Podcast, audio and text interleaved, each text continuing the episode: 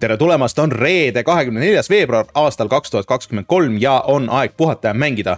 mina olen Rainer Peterson, minuga täna üle interneti Rein Soobel. no tere. ja Martin Mets.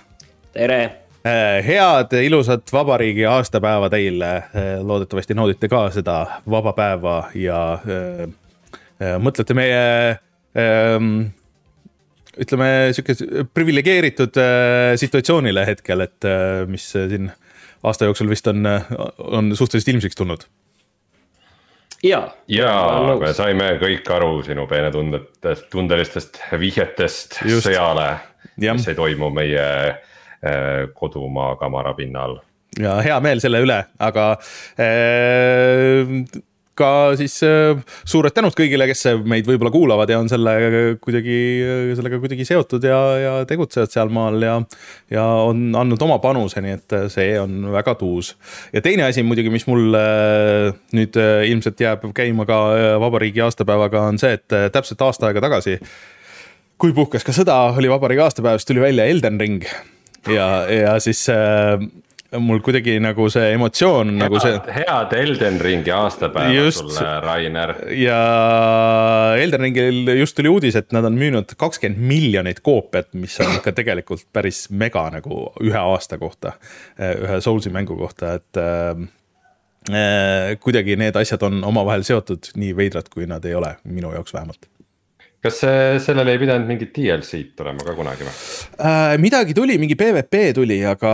ja see areen, mis oli kinni seal, muidu see tuli. aga, aga ei ole. üksikmängu asjast on tegelikult on räägitud päris palju ja vist mm -hmm. on mhm. ka vihjatud, et on tööl aga töös, aga tegelikult ei, ei tea täpselt. Nad vist midagi sihukest ütlesid äh, nagu umbes ka Sega selle, selle Sooniku üllatava edu peale, et, et nad äh, plaanisid nagu vähem panustada, aga kuna ikkagi nagu läks nii hästi, siis äh, võtsid äh, aja maha ja skoopisid ringi selle asja, et võib-olla siis tuleb midagi suuremat äh,. eks näis, aga noh, From ju Armored Core'i ka, mis peaks see aasta välja tulema, nii et palju neil ressursse jätkub eks näis aga. kus on äh, Sekiro kaks, ma küsin. see vist on kuskil kaugemal, ma saan aru aga äh, kohustuslik jutt siia algusesse siis veel, et äh, meil on Patreon, kus te saate meid toetada, patreon.com, kaldkriips puhata ja mangida. Äh, ja kui te seal. pata, pata, pata, pata, Patreon. just nii, ja kui te meid seal toetate, siis te saate näiteks tulla meiega Discordi chat ima, saate võib-olla särke tellida, saate tasuta mänge. ja just läkski nüüd uus pakk neid mänge üles, kus võib-olla kõige suuremad nimed olid Fallout ja Fallout seitsekümmend kuus, aga need on juba kahjuks läinud. Äh, aga neid mänge, mis veel järgi on, on parasports, nii et äh, ükstaspuha, mis levelil te meid toetate, siis kui te tulete äh, või võtate Patreoni lahti meil ja siis siis äh, näete, mis mänge te saate endale küsida, piisab, et panete kirja ja siis ma saadan koodi äh,. ja põhiline asi muidugi on see, et te saate hea tunde südamesse, et te toetate meie tegutsemist eriti muidugi tahaks tänada Taavit, jutlustaja X-i, Device nulli, Failissit, GameCami, Kalevust, ML Linuxit ja Randroidi. ja otse loomulikult kõiki teisi, kes on meid aastate jooksul toetanud või plaanivad seda teha või on seda teinud sest et ilma teieta ei oleks võimalik seda saadet hetkel teha niimoodi, nagu me seda teeme äh,. Discordis saab nalja. Ja peamiselt Rein teeb nii head nalja, et, et, noh, selle jaoks äh, tuleb liituda meie Patreoniga, et, et lausa näha mis nali no, tuleb. kui äh, level ühes Sten äh, räägib, kuidas tema jaoks Hogwarts Legacy's maagia ära kadus, siis noh, siin peab ju nalja tegema. nii on aga äh, meil on ka Youtube'i kanal Youtube.com kaldkriips puhata ja mangida, kus äh, siis oleme laivis äh, igal neljapäeva õhtul ja kus on igal teisipäeval loodetavasti ka uus mänguvideo, milleks on siis sellel nädalal Pizza Tower minu meelest üks ägedamaid platvormikaid, mis on viimase, ma ei tea, kümne aasta jooksul võib-olla tehtud või? okei okay,, kümme aastat võib-olla palju, ütleme viie aastaga ägedam platvormer. aga see on äh, väga spetsiifilisele maitsele väga spetsiifiline mäng, nii et äh, minge tšekkige seda videot äh, ja mina kindlalt soovitan, ma olen seda vahepeal nagu edasi ka mänginud ja see lihtsalt läheb aina hullumeelsemaks, nii et äh, tahan, tahan näha, kuhu see kõik viib, mis kõik saab Äh, ja siis äh,. Martin, mis meil täna teemad on? Uh, täna me räägime sellest, et uh, Rein, sa pead nüüd ise täpsemalt ütlema tegelikult, et mis sul siis nagu käes nüüd on uus Sony riistvara. sa pead nagu täpsustama korra, mis sul on? ega siin midagi väga keerulist ei ole, mul on nüüd kodus on Playstation viis ja siis Playstation VR kaks nii, väga hea, sellest me räägime siis pikemalt. Ja tegelikult üks asi, millest ma tahan väga kuulda, on tegelikult see, et Rainer on mänginud Atomic Heart'i, natuke vastuolulist mängu. Ja mina tegin Return to Monkey Islandi läbi. Ja siis räägime natuke paarist uudisest ka, millest minu jaoks tegelikult on huvitavam see, et äh, Angry Birds äh, põhimõtteliselt on selle matused. aga, aga teie jaoks on vist huvitavam see, et, äh, et see Microsofti deal ja kohtu case. jah, tuleme siis kohe tagasi ja räägime näiteks nendel teemadel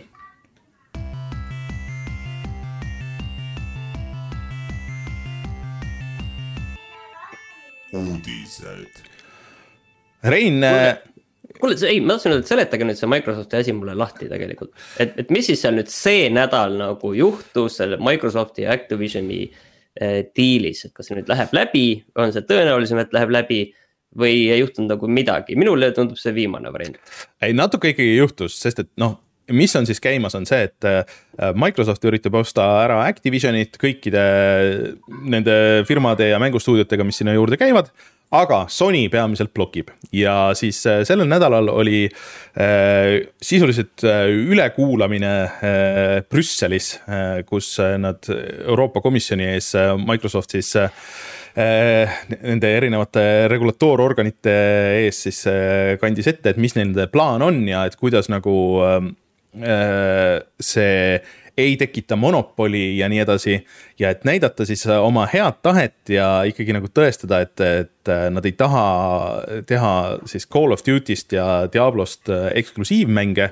siis nad andsid kahele firmale ähm, garantii, mida nad on väidetavalt pakkunud ka Sonyle, et kümme aastat jõu-, et vähemalt kümme aastat jõuavad kindla peale kõik Microsofti mängud ka nende platvormidele, eh, sealjuures ka. Activisioni, Activisioni mängud siis? ei, kõik Microsofti mängud ja sealjuures ka Call of Duty niimoodi, nagu ta on teistel platvormidel ka nii-öelda ehm, siis nad ütlevad, et um, feature parity, et ühesõnaga, et kõik mängulaadid, mis on siis ühes, jõuavad ka teisele aga lihtsalt naljakas on see, et kaks firmat, mis selle vastu võtsid ja siis äh, allkirjastasid selle lepingu, mida Microsoft ütleb, et see on, äh, see on ähm, legaalselt siduv.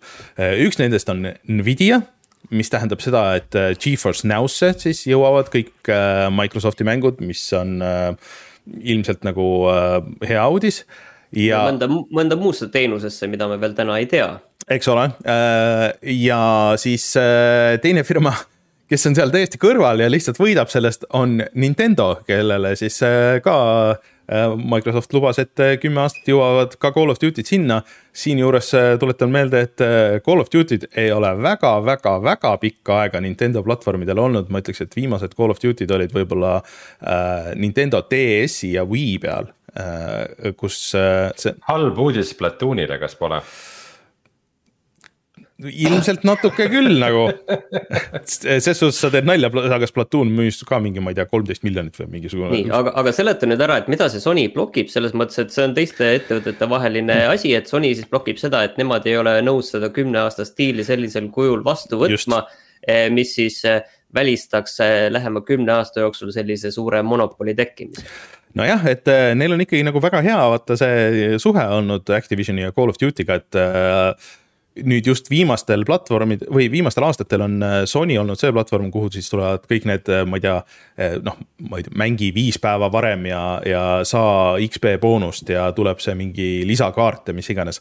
aga muidugi enne seda oli see, oli see Xbox'il ja Sony lihtsalt nagu, ma ei tea, põeb siin praegu, et, et nad saavad. oota, oota, oota, aga, aga kas see deal on nüüd pärast seda nädalat kuidagi nagu tõenäolisem, liiguti kuidagi sellega edasi? või mis siis nagu see lõpptulemus oli, kuidagi, kas asi no, liikus? Äh, Sony pole oma vastust andnud, aga väidetavalt äh, kuluaarides käivad jutud, mis on mingisuguse küll kõlaka tasemel, et et võib-olla läheb see läbi siis, kui vähemalt Microsoft ütleb, et okei okay,, et me võtame Activisioni, aga Blizzard jääb eraldiseisvaks, et nad Blizzardit ei osta, mis on. ma ei tea, kas see deal on siis väärt enam juba kuuskümmend kaheksa miljardit äh, või mitte. aga, aga noh, see on. kuuskümmend neli on siis kuuskümmend kaheksa miljardit dollarit ma loen siin hetkel. ei, ei, ma mõtlen, et siis äh, Acti-, Activision oli neli väärt. tähendab, Blizzard oli neli väärt, vahet pole äh,. aga minu jaoks on see kõige huvitavam ja veidram asi on see Geforce Now asi mm. -hmm. esiteks see Geforce Now on nagu ju täitsa veits nagu kadunud pildilt ära peale seda, kui ta tuli ja siis äh, siis paljud mingid mängud ja platvormid äh, kuulutasid, et ei, nemad sinna mingil juhul ei lähe, sest neil on mingid muud diilid ja põhimõtteliselt see kõige magusam content sealt võeti ära. ja teiseks, äh, kas Microsoftil mitte ei ole nagu otseselt konkureeriv teenus Geforce Now'ga? no põhimõtteliselt on, et see, see tõesti ongi nagu huvitav, et nad on no, nii, nii kindlad selles. et siin on see asi, et, et selle diili on teinud ju ilmselgelt need, kellel on sellest ainult puhtalt võita ja mitte midagi kaotada. ja Sony on see, kellel siin on kaotada, noh, ma ei ole ka kindel, kas on kaotada, aga, aga igal juhul neil on hea, hea lihtne võimalus siin kaikaid kodarasse visata Microsoftile mm. -hmm. et äh, ma arvan, et nad juba põhimõtteliselt ei taha seda läbi lasta, kui, kui vähegi mingi võimalus veel säilib, aga, aga, aga Microsoft on ikka teinud väga palju, et näidata, et okei okay,, et see ei ole nagu äh, mänguturule ikkagi nagu halb asi ja nad ei taha nagu blokkida, aga eks Sony muidugi kardab seda, et, et noh, kes hakkab ostma Call of Duty't äh, seal Sony platvormil, kus sa saad seda tasuta Gamepassis mängida, on ju. kui see on sul see üks mäng Äh, aga. ma ei tea. muidugi on tasuta, aga no vahet pole, me oleme rääkinud sellest, aga ja. see ähm,. see jätkus ka siis veidikene see Microsofti enda pisendamine ja enda negatiivses valguses näitamine, et siis kuskilt äh, ka mingi paber äh, tuli välja, et praegu siis maailmas olevat seitsekümmend, kolmkümmend Sony kasuks konsooliturg mm,? no midagi siukest võib-olla. no ta võib umbes nii olla jah. sest et kui sa võtad äh. Playstation nelja, mis on nagu nii-öelda aktiivne platvorm ja siis ja siis äh, Playstation viie nagu kokku võib, võib tulla küll midagi sihukest. et jaa, noh, jah, ma saan aru, kuidas nad üritavad praegu näidata, et nad on hästi tillukesed ja kaitsetud ja, ja kõigi sõbrad ja tahavad ainult, et mängijatel oleks äh, palju valikuid. Ja siis tuletame meelde, Microsoft ju pakkus ka sihukest äh, siduvat lepingut Valve'ile ja Valve ütles, et ei, ei, pole. vaja. Aga lihtsalt see on nagu kõige veidram asi minu meelest, mis sellel ajal, kui meie oleme seda saadet teinud, et noh. see on ikkagi nagu sihukest asja ei ole olnud ja sihukest kohtu case'i ja sihukest, sihukest äh, esiteks sihukest kodarate loopimist, on ju, või kodarate, kaigaste loopimist kodaratesse. Äh, põhimõtteliselt juba loobitakse kodaraid, äh, keegi ei saa enam üldse aru, mida tehakse. Äh, hea save, Rainer. ja, ja et ühel pool ega teisel pool, et pole nagu sihukest asja näinud, et see on lihtsalt väga huvitav, et kuhu see kõik välja viib ja kuidas, kuidas see kõik nagu lõpuks läbi läheb. see viib meid meie teise teemani, mis mõnes mõttes on väga huvitav, et kuhu on näha, kuhu asjad välja viivad et millal tuli esimene Angry Birds välja, aastal kaks tuhat üksteist võib-olla? päris ammu, ei isegi ma ütleks, et enne seda. ma arvasin, et varem jah. Äh, ma isegi vaatasin selle just järgi, nüüd mul see muidugi kohe ei ole ees aga seletamatul põhjusel äh,. ei kaovad, ole, ei ole seletamatu. oota, ma, ma teen sissejuhatuse ja siis sa seletad okay.. seletamatul põhjusel äh, siis kaob, kaob esimene Angry Birds ära nii Google Play'st kui ka Apple'i äh, App Store'ist. et lihtsalt see esimene ja kõige, nüüd on neid tehtud mingi kakskümmend tükki vähemalt peale.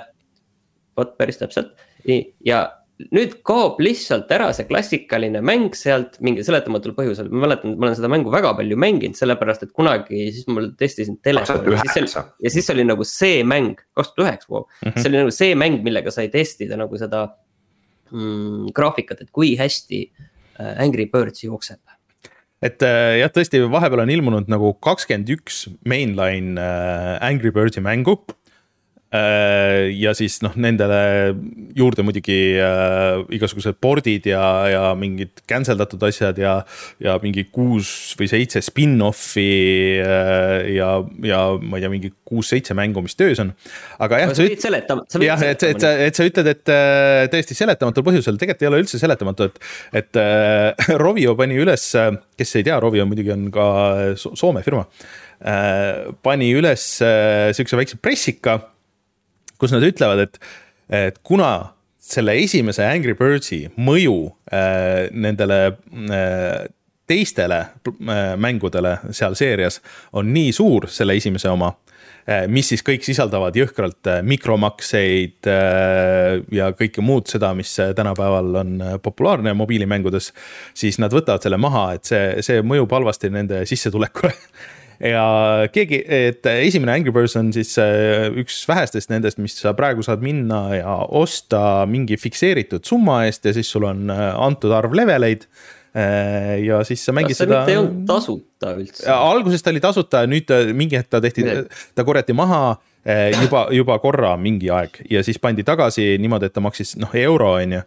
aga, aga ta on ikka veel populaarne ja tegelikult äh, Androidi poest nad kavatsevad täiesti ära võtta ja Apple'i poes nad siis äh, nimetavad selle ümber ja selle, et seda oleks äh, raskem leida ja see ei tuleks kohe kõikide search idega välja. ja see tänasest siis läheb, selle nimi saab olema Rovio Classics Angry Birds. et sa kohe ei leiaks seda üles niimoodi ja et, siis veel äh, Red's First Flight on ta App Store'is. jah, et, äh, et, et veel keerulisem oleks et see ülesleidmine minu meelest see on ka ikka nagu päris naljakas, ma ei mäleta, et keegi oleks lihtsalt, et noh, kindlasti siukseid asju nagu on olnud ajalooliselt, et okei okay,, et me võtame mingi vana mängu maha, sest et äh, inimestele see meeldib liiga palju ja nad ei osta meie kümneid teisi. aga et keegi ja. nagu ütleks välja selle see tõesti, seal teates on nagu nii lihtsalt see nagu välja öeldud ka, et jah, meil on siin selline äriloogika siin taga ja, ja meil ülejäänud asjad on jamad. et ma siiski annaks neile nagu selles mõttes krediiti, et nad on nagu ilmselt läbipaistvamad kui teised, sest et ma mäletan, ma kunagi tahtsin äh, originaalset äh, Plants vs Zombist mm -hmm. mängida äh, mobiili peal äh, mingil lennureisil, mõtlesin, et no see ei ole alati hea mäng ja see on ikka no nii ära käkitud ja asendatud mingite mikromaksete hullustega, et äh, mul üks äh, tehnoloogiamaiam sõber äh, kohe saatis mulle mingisuguse mingisuguse vana APK või midagi kuskilt no. privaatselt lingilt, et installi see kuidagi oma telefoni läbi mingi okay. Androidi DevToolide või midagi sihukest, et Äh, aga noh, tänapäeval ikkagi väga paljusid klassikalisi mänge sa ei leia, nii et ma ütleks, et isegi nagu nad on päris kaua seda hoidnud, et see. et nad mingi vale nime alla edasi hoiavad, on, on noh, ma pigem hindan seda.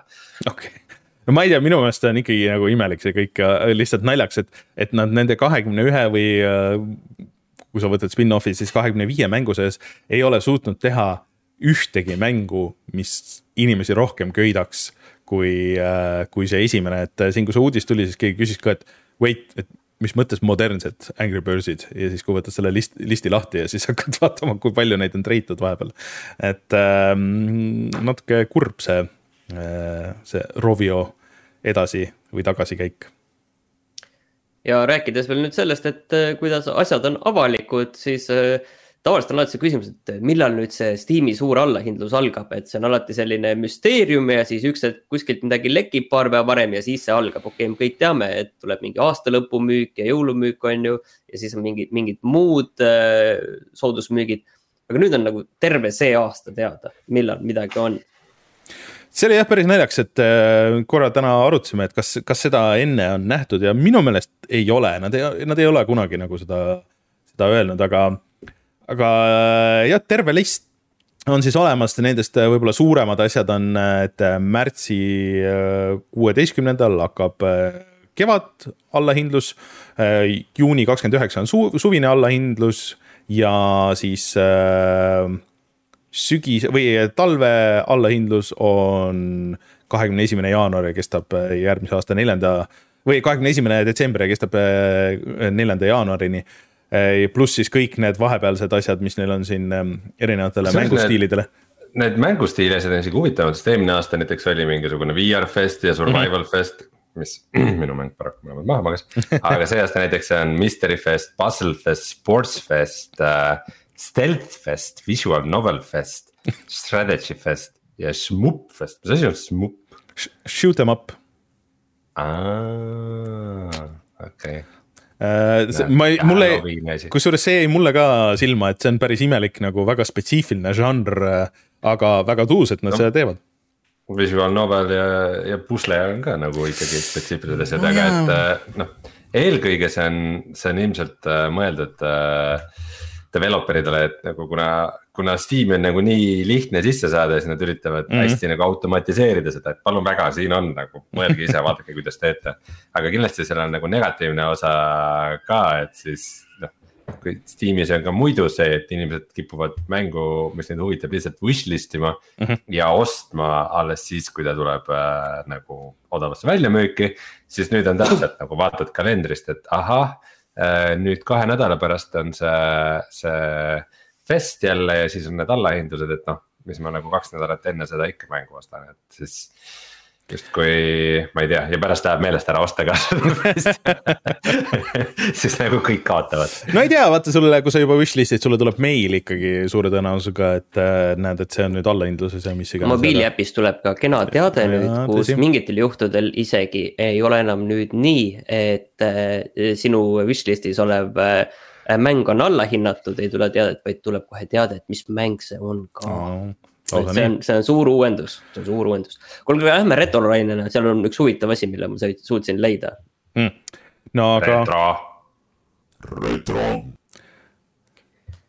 mis sa leidsid, Martin, sealt? täpselt kümme aastat tagasi toimus ikkagi revolutsioon, sellepärast et äh, äh Bungi kuulutas välja Destiny, see on shared world shooter, see oli mingi täiesti hull asi, kui teha nüüd lahti see Eurogeimeri link. Siis see ei olnud lihtsalt see, et me kuulutame välja äh, see link, mis meil seal saate juures mm -hmm. oli. see ei olnud lihtsalt see, et meil on äh, mm, selline uus selline shooter, ei ole, see oli terve strateegia, see oli terve nägemus sellest, et see on kümneaastane plaan. kümneaastane plaan sellest, milline see mäng tuleb. ja kui nüüd tagasi vaadata, siis no neil olnud õigus või ei olnud õigus no mitte esimese Destiny'ga, aga Destiny kaks on praegu ikkagi ju väga palju mängitud, just tuli ju uus äh, äh, mingi väga suur äh, lisa. inimesed on sellega nagu väga rahul, Destiny kahega, see, millisena ta praegu on, millised need äh, strike'id ja kõik need asjad seal on äh,, aga noh ta ei ole nagu kindlasti üksinda mängimise mäng, et sa peadki mängima siis mingi äh,, ma ei tea, kolme-nelja inimesega, et, et, et seda kõike nagu nautida mida ei Sures, saa minu puhul kunagi juhtuma. mina mõtlesin ka seda, et tead, neil nagu oligi õigus, et see oli nagu see, see algus oli ikka nii konarlik, kui nagu väga. üldse olla sai igatpidi.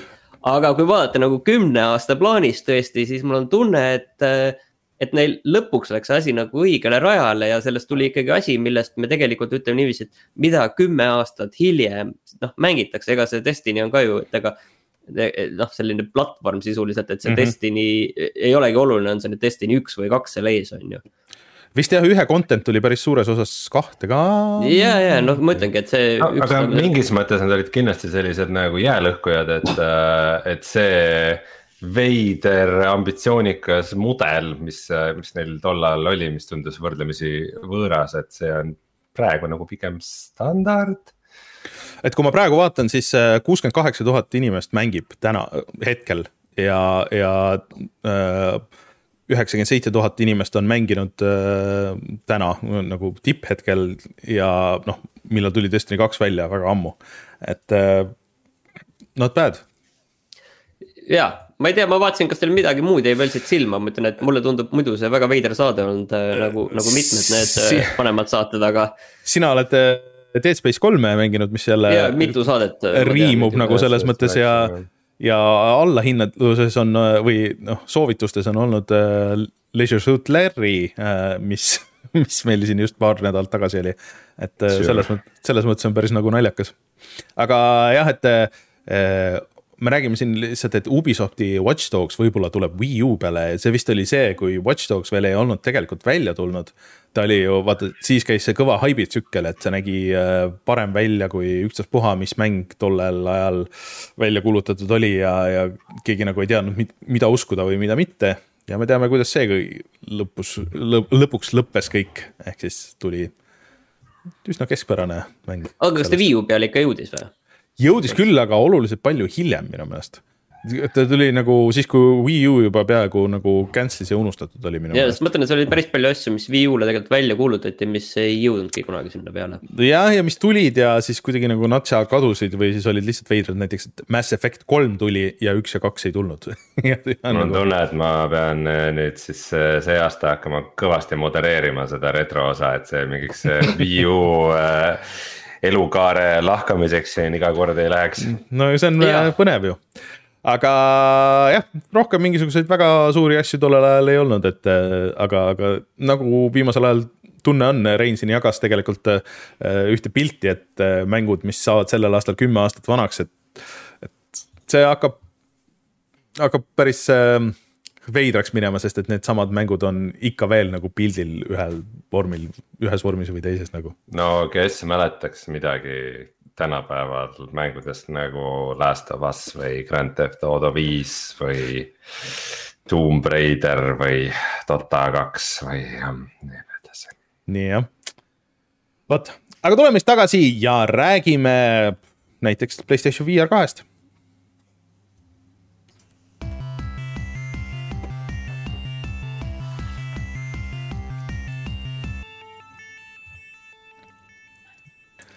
Rein, palju õnne värske konsooli omaniku staatuse saavutamisel jaa, tõepoolest um võib-olla ma isegi räägiks natuke enne sellest, et mis tunne on Playstation viit omada.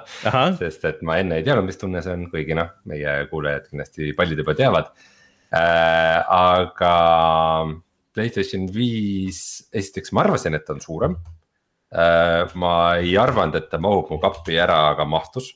kuigi võib-olla ei ole hea mõte teda kapis hoida, aga siis, kui ma kasutan, see on uks lahti, et ikka voolaks. Äh, ja äh, Playstation nelja, neli on siis selle all nagu toeks, et ta on nagu Playstation nelja peal. samuti ei tea, kas see on hea idee. aga mm, mulle tundub, et üks asi, millest me ei ole rääkinud Playstation viie puhul mis, mis täitsa väärib nagu eraldi rääkimist on äh, siis sihuke mäng nagu see Astrobot me rääkisime ikka, kui ja, see välja tuli. mänginud ka seda ja. aga mulle tundub, et Martin nagu ei ole sellest väga palju ikkagi rääkinud. ma ei ole seda läbi teinud, aga, aga ma mingi aeg, mingi aeg käisin seal uh, uuesti seda tegemas, ma just vaatasin, mida mängida, siis mõtlesin, et oo oh, Astroboti ja siis. vot, vot see, vot sellest, see on nagu hea algus, et sa ei ole seda läbi teinud, et ei nagu ole. Äh, see on põhimõtteliselt nagu tasuta puldi demo mis tuleb äh, Playstation viiega kaasa. ja see, et see puldi demo ei ole läbi teinud, on justkui nagu mingisugune thing, et. Äh, ma olen selle demo osa läbi teinud. aga äh, kuna lastele pakkus väga huvi, et mis see suur valge asi seal on, siis äh, kuna ma eeldasin et tegu on mingisuguse viieteistminutilise demoga, kus nagu pult vibreerib ja teeb midagi, et siis ma andsin puldi lastele, et nagu vaadake Nad on seda nüüd nädal aega mänginud äh, vaheldumisi pult käib käest kätte ja, ja nagu äh, alguses äh, noh, oli lihtsalt see, et jah, et see, ta on põhimõtteliselt nagu Mario mäng lihtsalt selle Astroboti tegelasega, kes on sihuke nagu. Playstationi maskott veidikene äh, ja ta nagu nagu väga pädev Mario mäng, ma julgeks öelda, eks Rainer on muidugi see ekspert, kes peaks sellele hinnangut andma. ma ei ole saanud mängida seda platvormerina on ta kindlasti parem kui Yoshi äh,. et yeah.. Äh, pluss see, ta näeb mega ilus välja, ta jookseb 4K-s äh,. ta, seal on vist mõned kohad on ka mingi ray tracing ud ja asju, aga nagu põhi, põhiasi on ikkagi pult, et äh,. erinevad materjalid, mille peal ta, see astrobot käib, siis nagu siis pult vibreerib erinevalt ja siis äh,. siis puldist tulevad ka umbes sammude hääled ja umbes, ma ei tea, vahel sajab rahet ja siis see nagu kõlab nagu puldist ja siis see läheb, ta läheb erinevatesse kostüümidesse, vahel ta ronib nagu ahv ja siis sa pead nagu päriselt nagu pulti kõigutama, et talle seda hoogu anda ja sellega vehkima ja nagu ja vahepeal pead mingeid asju tegema seal nagu touchpad'i peal ja kõik need asjad, mida nagu ükski päris mäng ei kasuta ja kui sa mängid seda Astroboti, sa mõtled nagu see on nii hästi tehtud.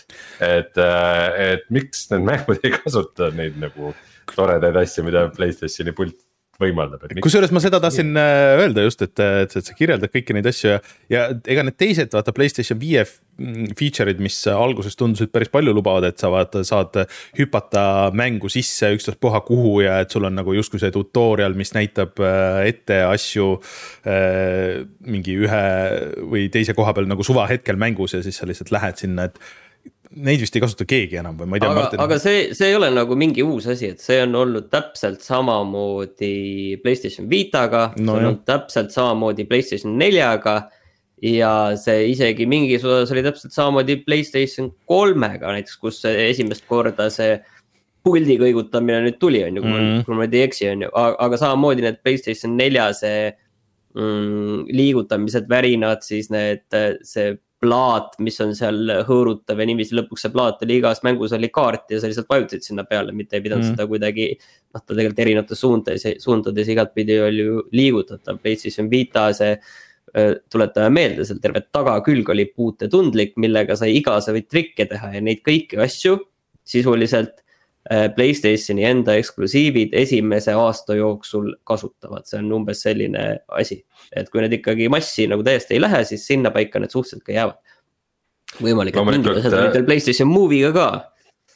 loomulikult äh, sellest äh, loetelust sa ühe Playstationi platvormi unustasid ära milleks on siis Playstation VR äh,, oli ju ka Astroboti eraldi mäng. see mulle väga meeldis.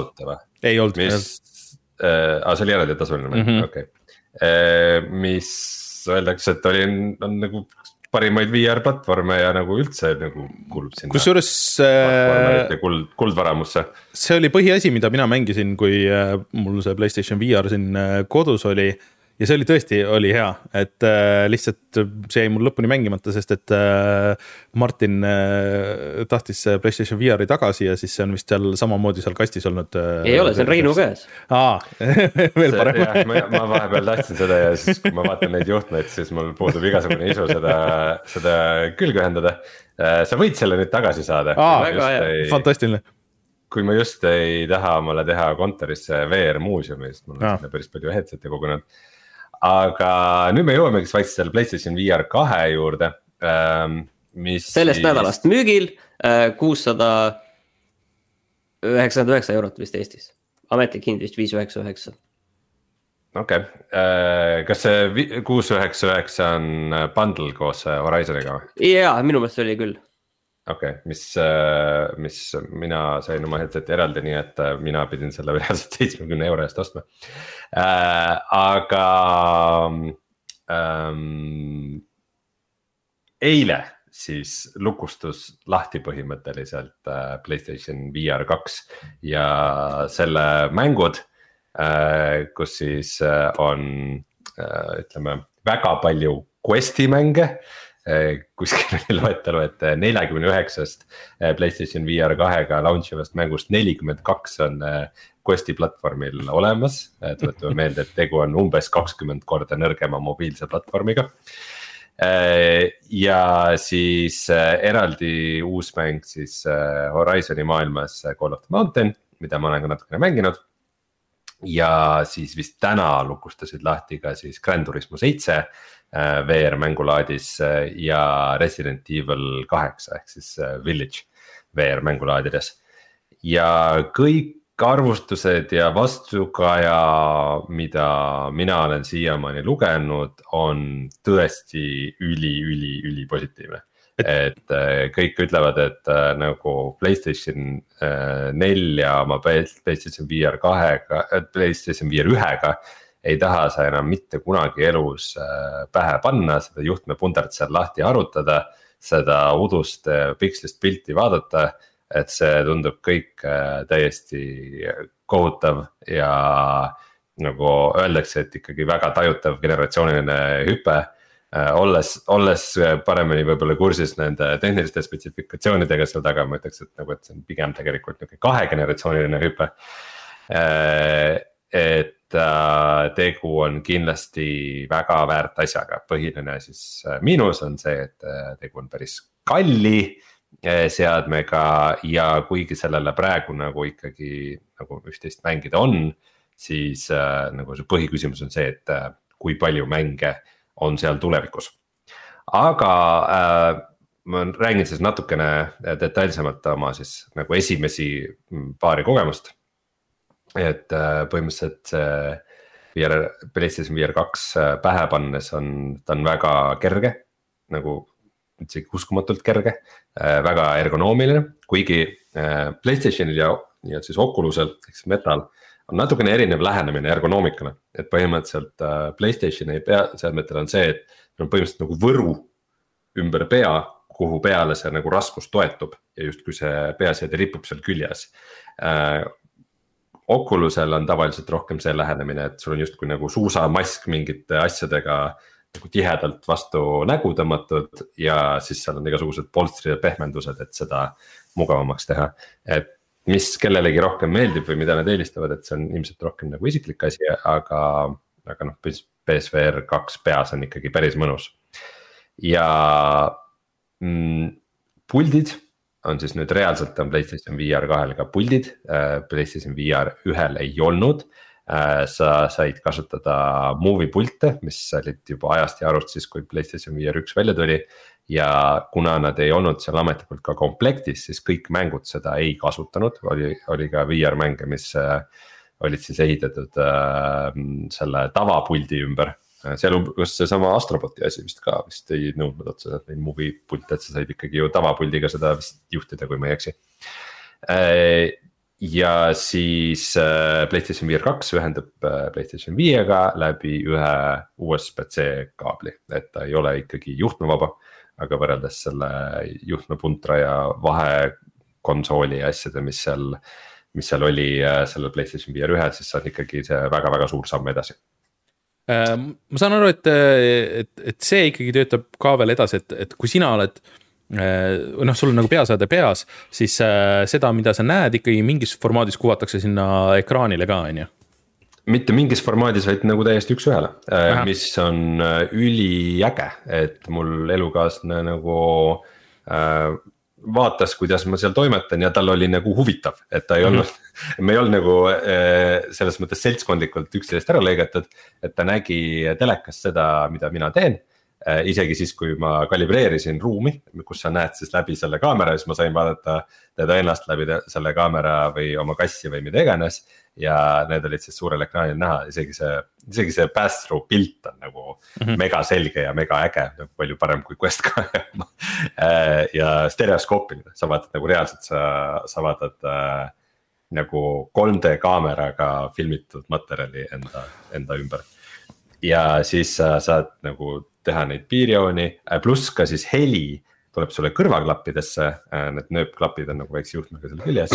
ja siis äh, telekast tuleb ka heli, nii et nagu, et sa ise kuulad kõrvaklappidest äh,. aga teised inimesed kuulevad siis nagu teleka heli või mis iganes sul süsteem selle PlayStation viie külge ühendatud on. kordame et, selle siis ka üle, et üks juhe siis on ju, mille ühendad äh, selle mm.... Playstationiga. jah, ja kui pikk see juhe on? kas ta on äkki äkki mingi kaks meetrit või kaks pool või? sa saad vist pikendada seda ka, et, et peab lihtsalt kvaliteetne juhe olema, et juba kuskil internetis öeldi ja testiti, et, et öö, äh, otseselt mingit probleemi ei tohiks olla. ja, ja see juhe nagu selles mõttes ta on ka nagu mõnus, et ta kuidagi, vaata ta ei ole nihuke jäik, et ta kuidagi mm. läheb hullult nagu mingi keerdu või noh, see. kui sa oled nagu VR-is, siis sa ei mõtle selle juhtme peale või mm., või sa ei sa ei taju selle olemasolu. Äh, mina olen suht harjunud vaata Oculus'i seadmetega on tavaliselt ka see, et sa näed nagu läbi nina, näed nagu läbi. et mul, kuna ma noh, tööasjus pean ka nagu palju peaseadeid pähe panema ja ära võtma ja midagi seadistama ja siis. mulle nagu pigem sobib see, et ma nagu ikkagi näen, aga PlayStation VR kahega ei näe, sest sa oled ikkagi nagu ikka täitsa seal nagu maailmas sees. et äh, mis, mis on nagu äge, aga samas ma ei julge ka väga nagu mingit samme teha või liikuda või väga suurelt vehkida, sest mm. et ma tõesti, ma tõesti ei tea, kus ma oma toas olen nagu ja kuhu, kuhu suunas ma vaatan. aga äh, siin äh, chat, chat just äh, esitas kohe selle juhtme peale küsimuse, Kauber siin küsib, et, et kui kergesti see parandatav on või kas see juhe on lihtsalt mõlemast otsast äh, USB-C, et sa saad mingi suvalise juhtme panna sinna või see on kuidagi nagu fikseeritud sinna, sinna Playstationi külge või Playstation VR kahe külge siis äh,? Aa ah, ja, ja see on hea küsimus, et kuidas ta Playstation VR Äh, kahe nagu peaseadme külge ühendatud mm -hmm. on, äh, see ühendus on vist midagi komplekssemat jah. Okay.. Äh, see Playstation ju ka avaldas ametliku selle teardown'i video, kus Sony enda insener võtab selle täiesti tükkideks lahti ja seal.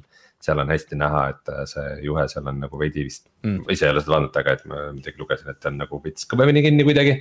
et see ei ole nagu sisse-välja lihtsalt, aga vist ikkagi peaks saama juhet asendada mm. -hmm, okay. ähm, aga siis üks asi, mis on nagu ka ikkagi väga suur asi PlayStation VR kahe juures on see, et äh, tegema siis esimese sellise mm, laiale massile suunatud peaseadmega, mis jälgib su pupilli suunda. et ta on nagu siukse väike kaamerasüsteem seal läätse ümber, mis pidevalt jälgib, äh, kuhu poole sinu silmamuna nagu äh, vaatab Mm -hmm. ja äh, seda on nagu päris lõbus seal testida ja kalibreerida, et nagu äh, sul on umbes mingid punktid ümber, ümberringi ja siis see punkt, mille peale sa nagu, see hoiab pea paigal äh,. ja see punkt, mille peale sa silmaga nagu vaatad, see nagu läheb värviliseks niimoodi, see on nihuke vau wow. ja äh, kui me nüüd vaikselt jõuame selle Horizon Call of the Mountain'i juurde, siis seal siis päriselt sa, kui sa oled menüüs, siis see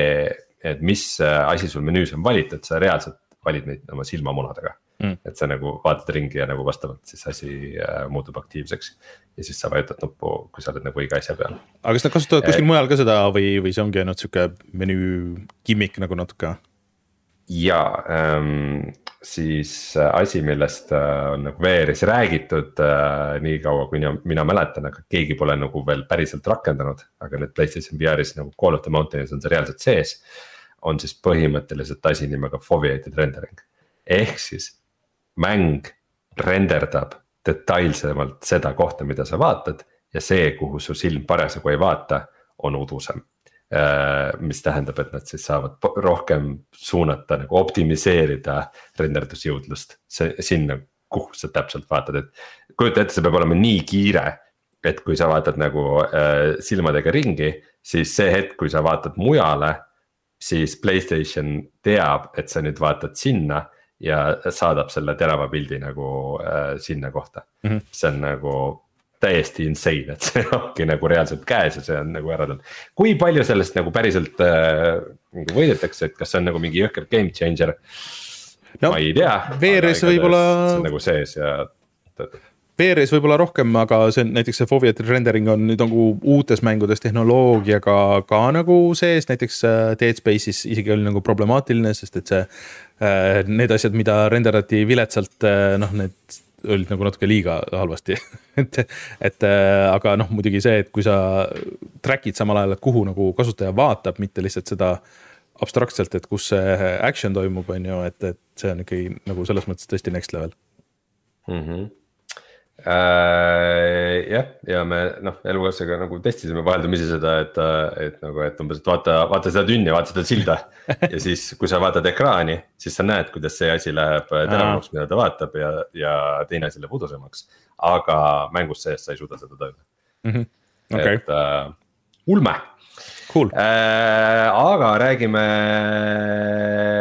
Call of the Mountain'ist äh, ja noh, sellega koos ka ikkagi Playstation VR kahest, sest et äh, ütleme, see on ikkagi veits selline nagu demo, demo kogemus ähm, kogu selle peaseadme jaoks siis nagu, kui esimesest stseenist saadik nagu mäng on väga ilus, väga nihuke. noh, see Horizon'i maailm on selline hästi vibrantne ja nagu värviline ja äh, mis nagu Playstation VR kahe ekraani juures nagu eriti kohe torkab silma, et hoolimata sellest, et nagu reso on väga hea ja. ja kõik muu, siis just see nagu värvisügavus. Need on Oledid vist. Nad on Oledi ekraanid, aga noh, nad ei ole esimene Oledi mm -hmm. ka nagu asi, aga need Oled on ka erinevaid, eks. et ikkagi mustad on nagu väga mustad ja, ja valged on valged, et just siuksed nagu õuestseenid või nagu valgusest varju kätte minek ja see on küll sihuke et nagu ma ei ole VR-is sihukest asja varem näinud mm.. et see, see värvi sügavus on, on küll nagu seal selline, selline puhas äh, rõõm aga äh,, aga jah. räägime korraks lihtsalt see, et Horizon'i kohta, et ütleme selle ära, et. et seda nüüd ei ole teinud Guerilla ise, kes siis noh, on üldiselt muidu see, see Horizon'i stuudio on ju, et nad on need esimesed kaks mängu teinud äh,. ja see ei ole ka nende selles enda mootoris, mille nimi mul kohe nüüd ei tule meelde, mida teeb äh,, teeb see või Kojima ka kasutab, aga äh, see on siis nüüd Unreal'is ja teise stuudio tehtud. on mul õigus? Äh,? vist küll, ma nüüd eraldi seda üle fact'i ei check inud, aga, aga, aga vist, vist on sul õigus jah, midagi on selle kohta, Firesprite on vist see stuudio, kes selle tegi, aga ikkagi nagu muidugi koostöös Guerillaga mm. -hmm. et ähm, jah, ma nagu selle mainiks ära, et ma Horizonist olen esimest mängu natukene mänginud ja ma nagu tahtsin sellest tiimist refund ida, et äh, minu jaoks äh, Horizon'i maailm on kuidagi nihuke nagu. kuidagi eriti bland või selline, see, see maailm äh, otseselt, ta on nagu visuaalselt väga ilus. aga see, see kuidagi see maailm ja, ja oma lihtsuses kuidagi väga mind ei ei kütkesta, kuigi siukse VR demo jaoks ta ilmselt nagu sobib, sobib hästi. ja mis sa seal mängus siis teed? on see, et ta algab sellise eepilise kanuusõiduga, eh, kus sa oled eh, siis eh, vangistatud, sa ei mängi Alloy'na, sa oled mingisugune teine tegelane. kuigi üsna varsti pärastpoole see Alloy tuleb mingis cutscene'is ja siis, siis räägib midagi ja siis siis sa saad midagi talle vastata ja nagu sihuke tead, staar teeb cameo moment mm -hmm. tuleb seal kohe, et vau nagu ma vaatan nagu Alloy'd VR-is nagu nii cool okei okay., äh, aga igatahes alguses on sihuke kanuuretk seal ja siis äh, põhimõtteliselt äh, näed kõik need robotsaurused ära, kelle, mille poolest siis Horizon'i maailm kuulus on. ja siis hakkad seal ise avastama, ta mänguna on vähemalt esialgu täiesti lineaarne. sa põhimõtteliselt liigud mööda etteantud rada, sa saad üsna varakult vibu ja siis, mida sa teed, on see, et sa siis lased äh, mingeid asju vahel vibuga, et sul on mingid võitlused. ja mm, siis peale selle sa ronid mööda mägesid.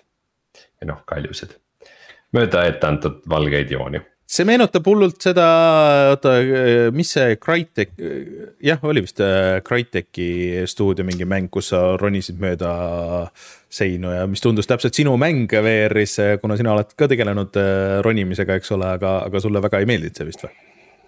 selle mängu nimi oli literally The Climb. ahah, ahah. ja seal oli ka järg nimega Climb kaks äh, mulle olles tegelenud kaljuronimisega päris palju, mulle VR-is ronimine üldse ei meeldi, nagu tõesti nagu nõmedamat asja VR-is annab teha äh,. esiteks noh, jah, realismist on nagu asi kaugel selles mõttes, et sa nagu võtad asjadest kinni kätega ja siis teed niimoodi, et ma võtan nüüd asjast kinni, siis ma võtan teise käega asjast kinni, siis ma võtan esimese käega asjast kinni, siis teise käega. ja sa lihtsalt teed nagu sellist liigutust, see on nagu ja samal ajal siis äh, vahid seina. ja noh, loomulikult sa võid ka nagu pöörata ümber ja vaadata siis vaadet, et nagu vau, ma olen kõrgel. võib-olla nagu viis minutit oleks cool. aga kui me räägime siin nagu äh, mängust, mille väidetav pikkus on umbes seitse tundi. Äh, ja mis maksab siis seitsekümmend eurot ehk siis kümme eurot tund, kallim kui kinopilet. ma ei tea, mis teenuseid võib saada kümne euro eest tunnis veel aga, ja umbes vist kuuldavasti niukest seitsekümmend protsenti mängust on, on ronimine, siis äh,. ma võin juba väikse spoiler alert'i öelda, et nagu värskesse kulda minu poolt seda ei lähe. aga äh, siis ronimise vahepeal sul on siis mõned siuksed võitluskohad ja nii palju, kui ma vähemalt alguses olen näinud ja ma eeldan, et see struktuur püsib, on see, et nagu iga võitlust mäng käsitleb veits nagu siukse bossi võitlusena. et põhimõtteliselt, et sul on justkui mingi, kui sa juba lähed mingile areenile, siis äh, areeni meenutavale kohale, sa tead, okei okay,, siin lendab mingisugune. ma ei tea, mingi, mingi äh, robotlind kuskilt välja ja siis sa pead nüüd vibuga teda laskma hakkama ähm, ja huvitaval kombel on see, et kui muidu sul on nagu sihuke vaba liikumine seal äh,, ilmselt on ka valik teleportimise jaoks, et inimestel süda pahaks ei läheks äh,. Siis äh, kui lahinguks läheb, siis järsku see piiratakse ära, et sa saad ainult niimoodi teha äh, vuh-vuh vasakule-paremale kangiga mööda nagu etteantud trajektoori ümber siis selle, selle eeldatava vastase asukoha et vastane laseb sinu poole mingisuguse põleva palli, siis sa tõmbad vuh vasakule, lased teda vibuga ja siis ta hüppab sinnapoole, siis hüppad vuh paremale. Nagu ma saan aru, miks ta niimoodi on, et nagu, et inimesed, kes pole VR-iga väga harjunud, et neil ei oleks nagu liiga keeruline niimoodi, aga noh. minu jaoks see ei ole nagu võib-olla maailma kõige põnevam ja noh olgem ausad, minu jaoks nagu äh, VR vibumängud ka veits äh, kaotasid oma põnevuse kuskil seal neli-viis aastat tagasi äh,, aga sa saad ka craft ida asju. Et äh, mingi sihuke yes. crafting'u süsteem et näiteks äh, mingid, leiad mingeid väikseid kanistrikesi, siis. siis sa saad teha tulenooli umbes, et nagu, et oo, sul on mingi. pane, pead asju panema õigesse kohta, et siia panen selle kanistri siia noole külge ja siis panen selle sulet sinna taha ja siis noole otsa ja Äh, see, kus ma pooleli jäin just, et pead craft ima mingit paremat äh, ronimisvarustust, et võib-olla tulevikus saan kirkadega teha nihukest liigutust, mitte ei pea vasakule-paremale käega tegema. Tehniliselt äh, on ikkagi mäng väga tasemel ähm,.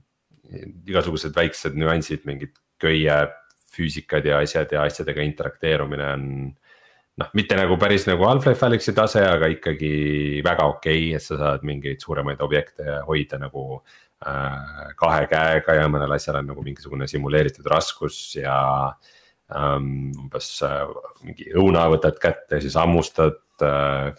tükk ei lähe täpselt sealt, kus sa hammustasid, aga ikkagi nagu, et ta läheb nagu väiksemaks ja ähm,. ja siuksed, siuksed asjad on olemas, mingid vahepeal võtad mingid riidest asjad Äh, kätte nagu liigutud, see riie on nagu realistlik, et selles mõttes sellega nagu interakteerumine üldiselt on mõnus. Äh, samas muidugi ka minu jaoks paistab silma see kogu Sony äh, lähenemine VR-ile, mis nad siis on öelnud, et nad tahavad neid tavamänge nagu VR-is näha mis siis nüüd varsti saame näha siis Resident Evil kaheksa ja Grand Turismoga, et nagu mängud, mis ei ole originaalselt VR-i jaoks tehtud. aga no miks neid ei saa ju VR-is mängida, et, et veits on see, et kuidagi tunnen, et nagu ei kasutata seda VR-i potentsiaali super ära, vaid võetakse sihuke. nihuke klassikaline valemi järgi tehtud Playstationi mäng ja see pannakse nagu VR-i ja siis. aga kes, kes Play, kes seda Grand Turismot on mänginud, ütlevad kõik, et see on kõige parem autosõidu VR mäng, mis siiamaani tehtud on. et mm -hmm. noh, et seal on juba äh, alustuseks nagu selles mõttes on äh, see eelis, et, äh, et Gran Turismos on ju need autod seest hästi detailselt renderdatud. ja, ja sul on see juba kõik olemas ja, ja sa sõidad seal cockpit'is ja siis noh, nagu nii-öelda äh,. Immersion on nii-öelda seal olemas ja, ja et mäng ise ju on tegelikult nagu väga äh, realistlik ja hästi tehtud, et, et noh, see VR nagu seal ilmselt nagu töötab päris kergelt ja hästi, et vaat seal on, seal on veel see kogu see 3D audiovärk, mis vist töötab ju selles VR seadmes ka nüüd nagu väga hästi, et lihtsalt nende klappidega, mis kaasa tulevad, ma saan aru, et klapid tulevad kaasa, on ju mm. -hmm. et ähm,. nööbid, nööbid tulevad. jah, et, et, et sa kasutad nagu neid võimalusi võib-olla paremini, mis muidu selles tavamängus võib-olla, kui sa mängid lihtsalt suvalt teleka taga.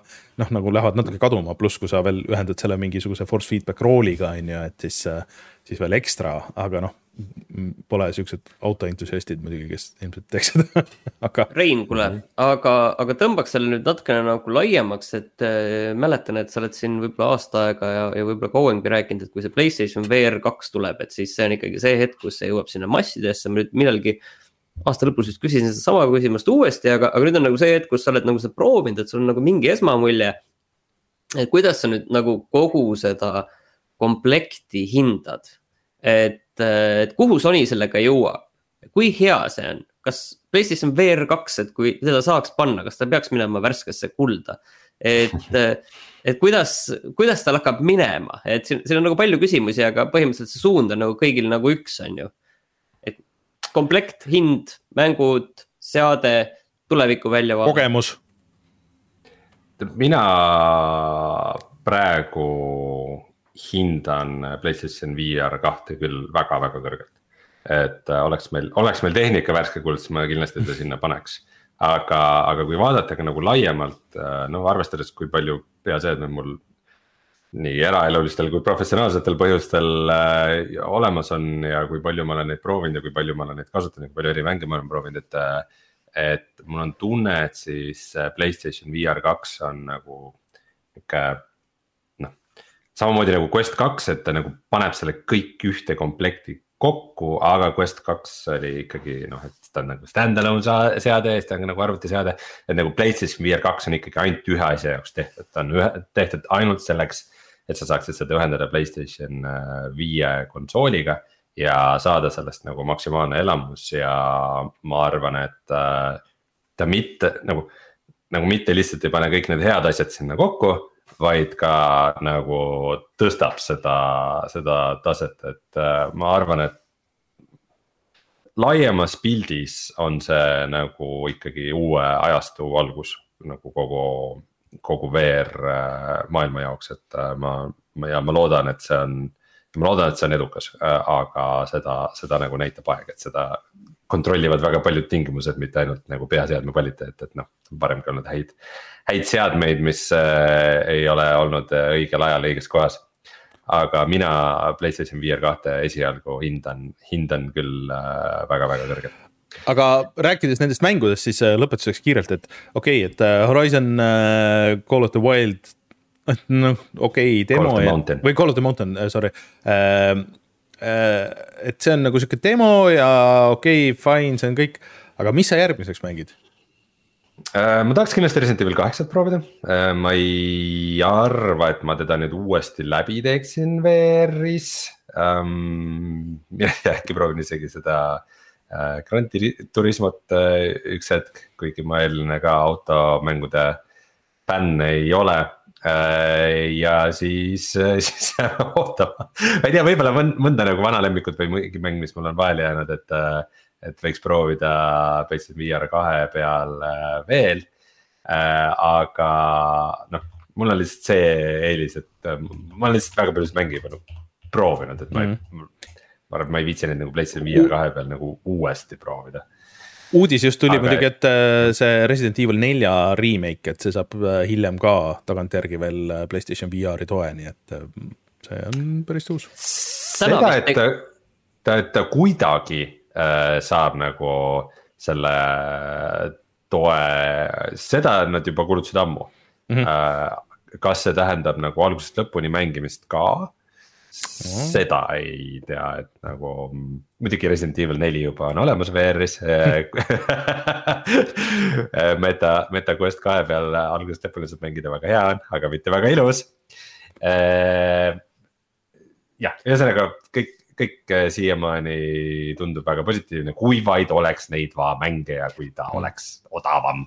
kahe tunni pärast hakkab siis Sony State of Play, mis on PSVR kahe kohta vist täpselt ja seal midagi uut vist tuleb oh, ka. et okay. aga, aga ütleme niiviisi, et seal oli vist see Suicide Squad vist oli vist see mingi põhiteema. Mm..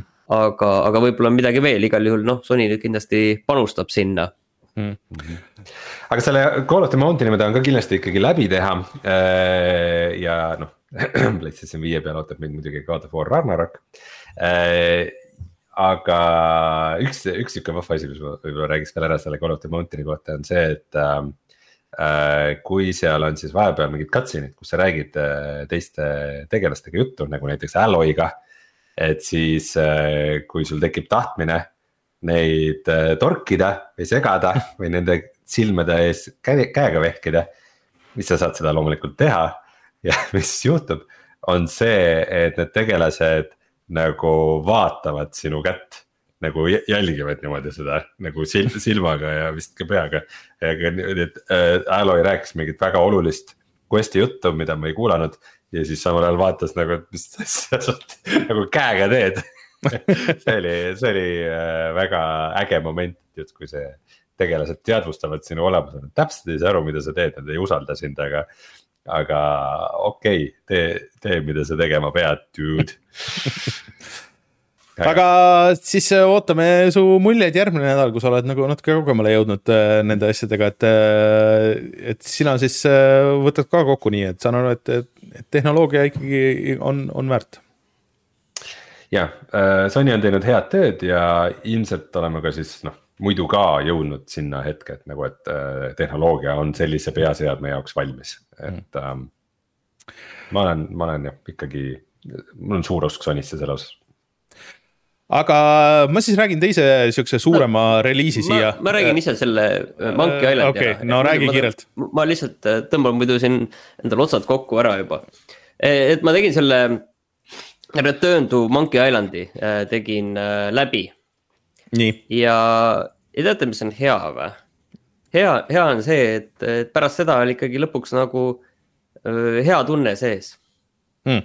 Et, et selle läbi tegid, et, et noh, sa kujutasid ette, et seal lõpus on mingi puänt nagu peab olema, et pigem nagu oligi nagu huvitav nagu välja mõelda, et milline see, see, see puänt seal lõpus on. ja noh, ma arvan, et see oli nagu okei okay mm -hmm. noh, selles mõttes, et, et see ei olnud nagu Monkey Island kaks, kus sa ei tea, et mingi, mingi loll puänt tuleb, aga, aga, aga nüüd sa teadsid, et see tuleb, aga noh, sa ei teadnud, et milline see on ja siis see ühtemoodi nagu on. Mm. mis võib-olla veel tegelikult on see, et, et mängu selles, ütleme viimases kolmandikus oli minu arust nagu päris mitmeid väga häid puslesid Mm -hmm. ja, ja võib-olla, mis on tegelikult selle kõige juures nagu hea, mida ma vist eelmine kord ei rääkinud, et see mäng on nagu tegelikult palju kiirem ta on selles mõttes kiirem, et noh, hiireseiklusesse käid ühelt ekraanilt teisele, ühest kohast teise, ühest saare otsast kaardil ühest kohast teise. siis see on tehtud kõik nagu väga-väga kiireks, et kui sul on vaja kuskilt.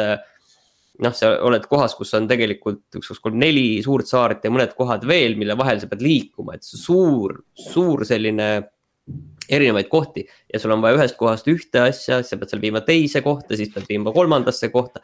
tegelikult sa kui sa tead nagu, mida teha, aga, ja see on lihtsalt selline noh, liikumise töö ühest kohast teise, siis äh, sa põhimõtteliselt äh, ühest kohast täiesti suvalisse teise kohta, kuhu sul on vaja jõuda, sa jõuad nagu kolmekümne sekundiga. Mm.. tegelikult, et see on tõesti nagu väga-väga kiiresti, et sa ei jää nagu selle taha, et okei okay,, nüüd see tegelane siin vaikselt liigub kaardi peal. ja liigub teise kohta ja teise kohta, et see, see kiirus tegelikult äh,, tegelikult oli nagu selles mõttes hea et sul oli täpselt oli meeles ka, et aa, seda sa läksid tegema, et see on mm -hmm. nagu väga hea.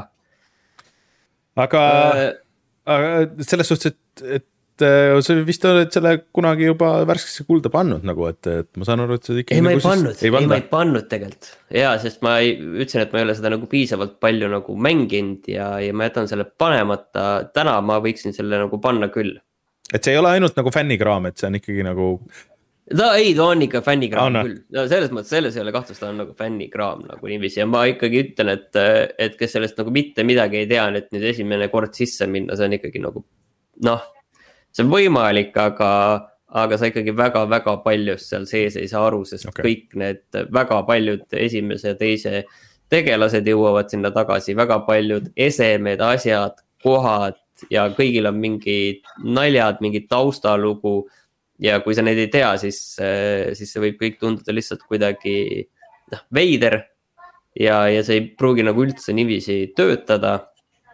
aga sellepärast nagu kindlasti peaks, noh, keegi tahab nagu täna hakata Monkey Islandit mängima, siis võtku see kaks tuhat üksteist, kaksteist Monkey Islandi esimese see remaster ette, et see mm, -hmm. see on ka suhteliselt lühike tegelikult et see oleks võib-olla nagu pigem, pigem nagu sinna minna, et see on ikkagi neile, kes on minu meelest ikkagi neid eh, esimesi või noh, kõiki neid teisi mänginud, et nad saavad aru, et miks.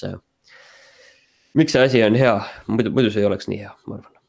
vot, aga seal on kindlasti palju miinuseid ka, aga, aga kokkuvõttes ongi see oluline ikkagi see, et kui sa nagu noh. teed läbi, siis ja oled rahul, siis on, siis on asi nagu õigesti läinud no hea, et sa lõpuks äh, läbi tegid, et. Äh, ma olen ma... ise ka sellega endaga rahul ja, et tubli, Martin. kuulge, aga jõudu teile ja ma tõmban tänaseks joone alla, et äh, tõmbab hingamissüsteemi kinni. mul on muidugi natuke kahju, sest et ma arvan, et sul ma oleks, sul oleks küsimusi sinna selle Atomic Heart'i kohta, mis, millele mul oleks hea meel vastata, mille peale ma võib-olla ise ei tule kohe, aga. aga, aga kuna sa haige oled, siis tšau. tšau. head aega. aga Rein sina pead äh, jääma minuga kuulama juttu Atomic Heartist. Ei, ma teen nalja, ma tegelikult tahan väga kuulda. Mida mina mängisin, et äh, teie mängima ei peaks mõnes mõttes, et äh, Atomic Heart on siis FPS, mis on juba mõnda aega tegelikult juba mitu aastat on olnud tegemises ja on nagu olnud trajektooris, sest alguses esimestes treilerites paistis nagu väga cool, et siukse siukse sovjeti võtmes äh, äh, BioShock, BioShock jah, et äh, kogu see story on siis nii, et noh, et mis siis, kui teise maailmasõja oleks võitnud äh, Venemaa ja nad, äh, seal toimus asju äh, ja said ka siukse väga tugeva tehnoloogilise eelise. ja nad on ikkagi nagu põhimõtteliselt nüüd valitsevad maailma, et mis, mis siis, mis siis toimuks ja kui sa alustad seda mängu, siis alguses on nagu sihuke päris pikk noh, nagu, nagu BioShockis või mõneski teises mängus on see, et sihuke, sihuke esimesed pool tundi on nagu suhteliselt äh, sihuke ainult äh, äh, noh, veits interaktiivne sihuke story osa, kus sa käid selles maailmas ringi, sulle nagu tutvustatakse world seda. World building jah, näidatakse, just, näidatakse kõike seda ja nii edasi, et, et sealt sa saad nagu päris hea pildi ette, et mis see mäng on. ja ühesõnaga, see on täishinnaga mäng, see on väljas äh, Xboxidel ja arvutil, äh, Playstationil seda ei ole. Äh, ja tegelikult on ka Gamepassis, kus mina seda mängisin.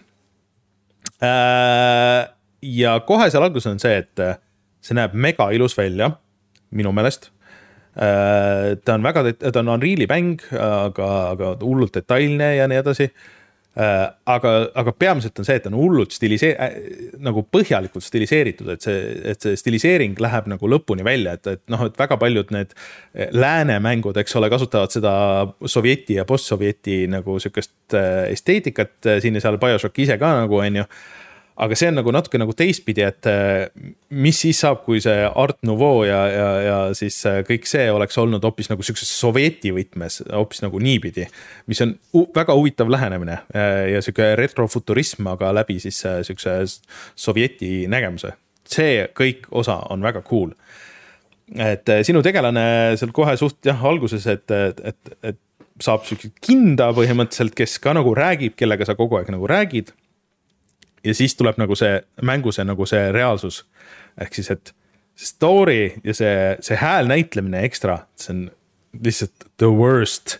selle peategelase dialoog on sihuke, nagu sa oleks hüpanud välja mingisugusest äh, äh, noh, Xbox kolmesaja kuuekümne ajastu nagu mingisugusest äh, noh Ida-Euroopa mängust, on ju, kus keegi inglise keelt ei rääkinud, aga äh, noh, arvas, et ikka peab olema inglise keeles see dialoog või, või ma ütleks isegi, et nagu Metro seerial on nagu natuke nagu seesama probleem et äh,. mitte natuke või, või nagu väga palju, okei okay.. oota, aga kas sa mängid siis inglisekeelsena seda või? nojah, et see on inglise keeles kõik no, ja, ja siis oota, oota, oota, oota, oota, oota, oota, oota, Rein, oota, Rein Äh, et, et kõik lihtsalt äh, on tõesti nagu, et nagu nad loeks paberilt seda välja äh, või noh, nagu maha kõike ja et sa veits kuuled seda, kuidas see stuudiomees on närviline seal nurgas. siis ma mõtlesingi nagu okei okay,, et eks ma pean seda, ma väga ei taha seda teha, aga okei okay,, fine, et ma teen seda metrovärki, et ma panen selle vene keelde. ja siis ma hakkasin vaatama setting utesse. seal ei ole vene keelt sa saad panna terve mängu küll vene keelde, aga mitte räägitud dialoogi mis okay. on, äh, ma ütleks, päris suur äh, möödalaks selle, et ma alguses mõtlesin jah, et, et okei okay,, et võib-olla siis äh, väiksem stuudio, eks ole, keerulised ajad. Neil läks põhiline aur sinna venekeelse versiooni peale ja siis neil polnud aega selle, selle selle inglisekeelsega tegeleda või mis iganes, aga võta näpust mis valikud olid siis äkki mingi, ma ei tea, poola keel või midagi? Ukraina keelde saad panna muideks kogu mängu, aga nagu eh, räägitava dialoogi. ei räägita, ei räägitava dialoogi sa ei saa muuta, see on ainult inglisekeelne. ainult inglise keeles? ainult inglise keeles äh,.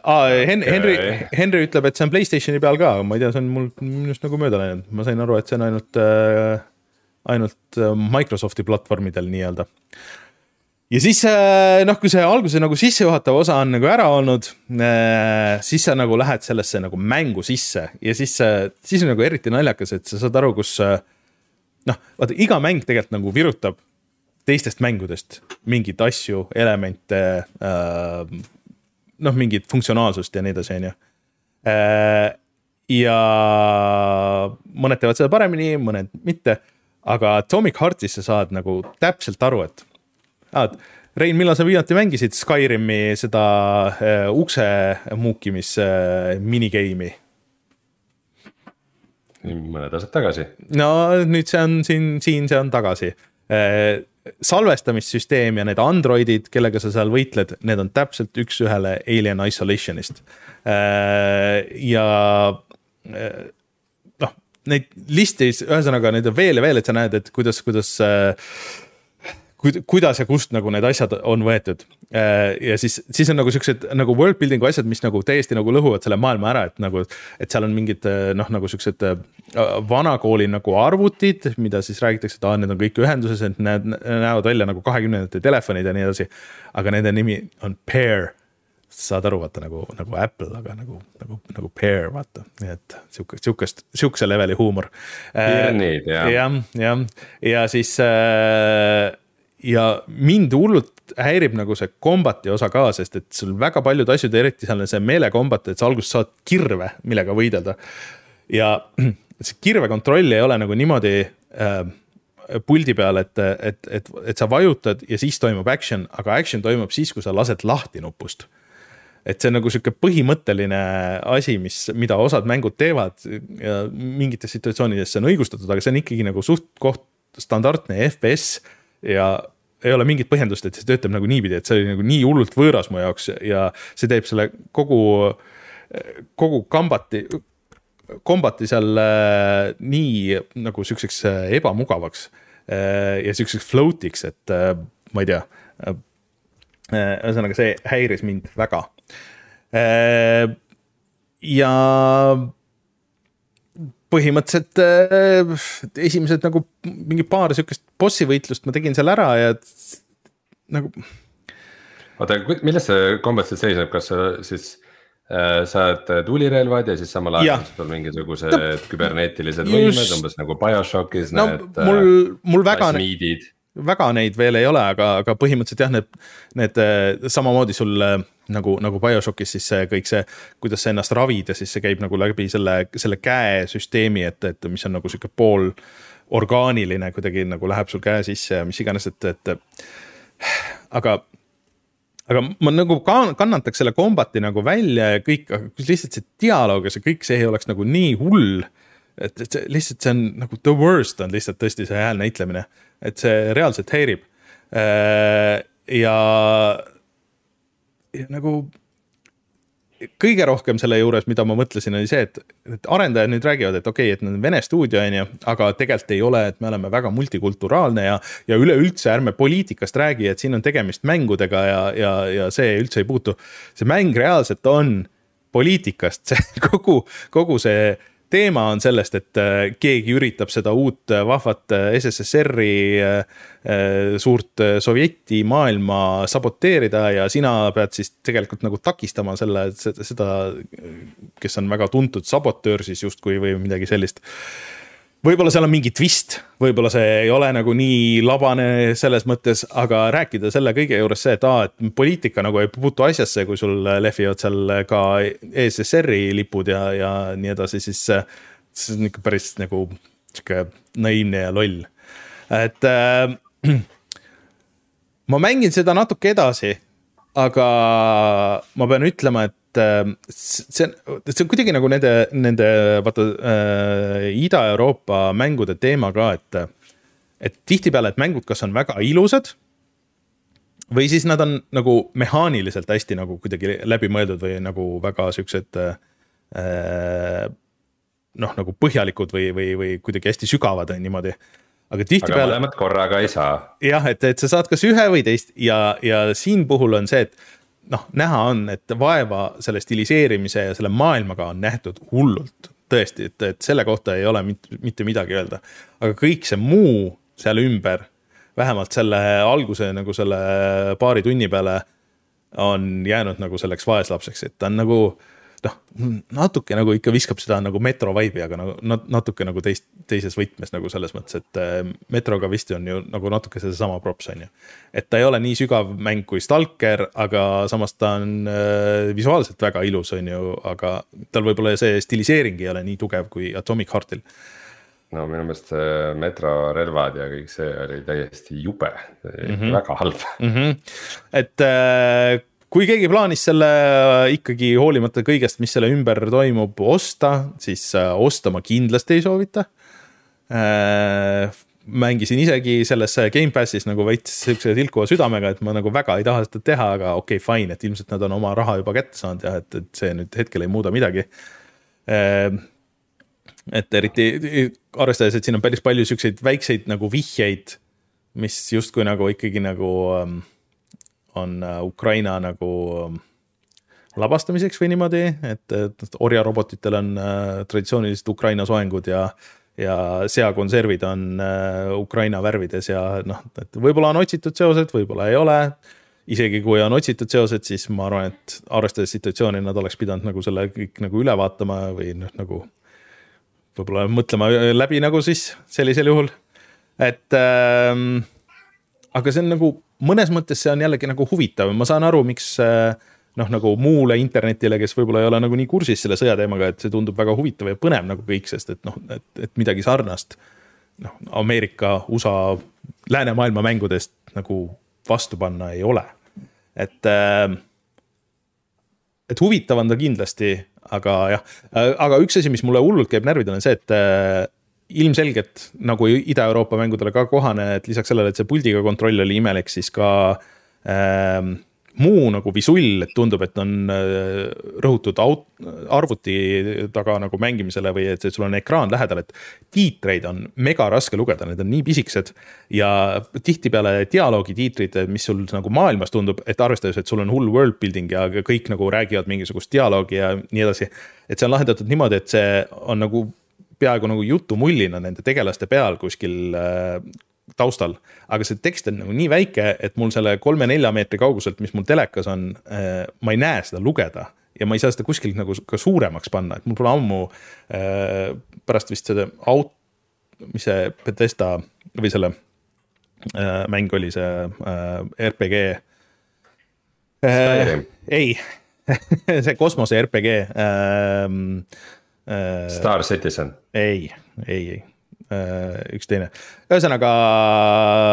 mul ei tule meelde. Äh, mitte aut-, mitte aut-, mitte Outer Worlds, aga Outer Worlds just. Outland, ei, kaks mängu. Obsidian. Obsidiani see jah. Outer Worlds jah. Outer Worlds jah, et ähm, et Outer Worldsis viimati oli, oli sarnane props ja, ja siin on ka, et noh, lihtsalt nagu reaalselt ei näe ja mul on 4K Oled telekas nagu selles mõttes, et kus nagu resos ei ole nagu asi, aga see lihtsalt nagu suurus on ja setting utes mingit varianti ei ole. pluss ka nagu, kuna puldi nupud ei ole standardsed, siis on nagu natuke imelik, et nad kuidagi on ära vahetanud, et sa kinnitad asju X-iga, mingid siuksed asjad. aga kuskil setting utes sa ei näe puldi layout'i, et äh, mis nupp mida teeb, mis on ka imelik, rääkimata sellest, et sa ei saa nagu muuta midagi et äh, siuksed Ida-Euroopa veidrused, ühesõnaga on siin. mõnele need kindlasti lisavad sihukest nagu võlu, aga teades kõike nagu seda taustasüsteemi, et kus see rahad lähevad Gazpromile ja igale poole, et siis ja, ja kontaktje mehed on selle mängu stuudio nagu taga ühtepidi, teistpidi. et jah, mina jätaks selle vahele aga noh, siiski ma pean nagu ütlema seda või, et mis, mis võib-olla mind natukene selle juures tõmbab, noh olles sündinud ise Nõukogude Liidus, nagu ka sina, et äh, kas seal on ka sihukest nagu mingit huvitavat äh, nostalgilist äh, joont meiesuguste jaoks, kes lapsena vaatasid Kolmanda planeedi saladust ja mis iganes asju. ei no ongi, see ongi see stiliseering, see tugev stiliseering, mis on. ma mõtlen, see, see on see, mis nagu lääne, lääne inimesele oleks mhm. lihtsalt mm -hmm. selline mm, eksootiline, aga mm -hmm. meie jaoks nostalgiline ei no ongi, et äh, umbes kuidas need äh, mingid suva mingisuguse laagri väravad on sihukeste mustritega, mis ma mäletan, et olid vanasti need metallväravad ja, ja noh, mingisugused. päikse, päikesetrellid või? umbes midagi sihukest ja, ja sihuke, et aa okei okay,, et ma mäletan küll seda ja noh, mingid siuksed spetsiifilised arhitektuuri ja, ja, ja, ja siis äh, Äh, ja lo, isegi nagu looduse nagu eripärad, vaata, mis Witcheris on ka äge, et, et, et seal on ikkagi nagu palju sihukest meie noh, meile ka nagu tuttavat loodust, aga. Stalkeris ka. ja et, et, et seda nagu seal kõike on Äh, pluss siis mingi skiifil, aga, aga, aga mis nagu natuke häirib, on see, et see on kõik nagu ähm, hästi jah, tõesti nagu, nagu, nagu sovjeti nagu propaganda nagu natuke võtmes, et see, et see täpselt sihuke nägi välja, vaata kõikidel nendel vanadel plakatitel ja seal, kus räägiti, et oi, et me oleme, teeme viieaastaku plaani, teeme kolme aastaga ja kõik nagu seda, mis on nagu natuke sihuke nagu, nagu sihuke nagu õõvastav ka nagu mõnes mõttes on ju, aga et, äh, et jah. mis võib olla taotluslik et see ilmselt, ilmselt ongi, et ma ei tea, võib-olla seal tuleb mingi twist, et kus selgub, et ta, et see kõik ei olegi nagu nii obvious, aga kuulates nagu seda dialoogi ja seda story't nagu praegu see noh. no võib-olla see läheb paremaks, see lihtsalt see peategelane on täis jobu nagu, lihtsalt täielik nagu sihuke, oh issand, jäävait lihtsalt ja see kinnas ka nagu. et lihtsalt ärge öelge mitte midagi, palun. ma isegi ei mäleta, mis ta nimi oli, vist oli Sergei või midagi sihukest üks nendest standard vene nimedest, et aga, aga sihuke uh.. et, äh, et jah, mina jätaks ta siiski nagu praegu vahele, minge vaadake Youtube'ist äh, selles mõttes, et äh, näete selle pildi ära ja võib-olla teeme video ka, aga võib-olla ei tee, et eks, eks jääb näha. aga, aga mängin natuke veel kindlasti edasi ja, ja vaatan, kuhu see kõik viib vot, aga ma olen mänginud kõiki neid teisi asju ka edasi, äh, mis siin vahepeal on pooleli olnud, äh, Dead Space, äh, Pizza Tower ja, ja nii edasi, nii et üks hetk ma mõne nendest ka läbi teen ja, ja siis räägime sellest ka, aga mm. -hmm. mis sa arvad, hakkame otsi, otsi kokku tõmbama ja lähme vaatame, mis on odav sellel nädalal. no, mis sa tahad rääkida veel? ei, ma eelmine nädal rääkisin Returnalist võrdlemisi vähe. kuna ma olen teda mänginud ainult ühe ühe päeva tolleks ajaks, aga, aga nüüd ma olen mänginud Returnalit natukene rohkem. kas, kas räägime siia ka, et meil, meil oli, meil tuli jumala hea video Reinuga, me tegime jumala. väga hea video tegime Returnalist aga. Läks, läks nagu ikka. jah tehnilised probleemid siis, äh, mistõttu ähm, äh, see video kvaliteet oli ülihalb ja kahjuks see siis vaatajateni ei jõua, ma tahaks ikkagi midagi sellest teha, võib-olla ma Teeme siis, siis teen, teen üksi või siis, või ma ei tea, kuidas me teeme, aga. peab katsetama. peab katsetama jah, meil on teatud tehnilised probleemid on, mida me ületada ei ole suutnud. Ja, ja, ja, ja kes siis ei tea, siis aastate jooksul meil neid pekki läinud videosid on olnud nii palju et ma ei jõua kokku lugeda neid jah aga Returnal siis Soome Housemarque'i stuudio äh, Triple A mäng, mis varem oli Playstation viie eksklusiiv ja tuli arvutile just nüüd enne seda, kui ma sain Playstation viie. aga noh, kuna ma mängin seda i-Reg klaviatuuriga, siis ma nagu väga taga ei, ei, ei nuta, et oleks võinud ju Playstationil mängida.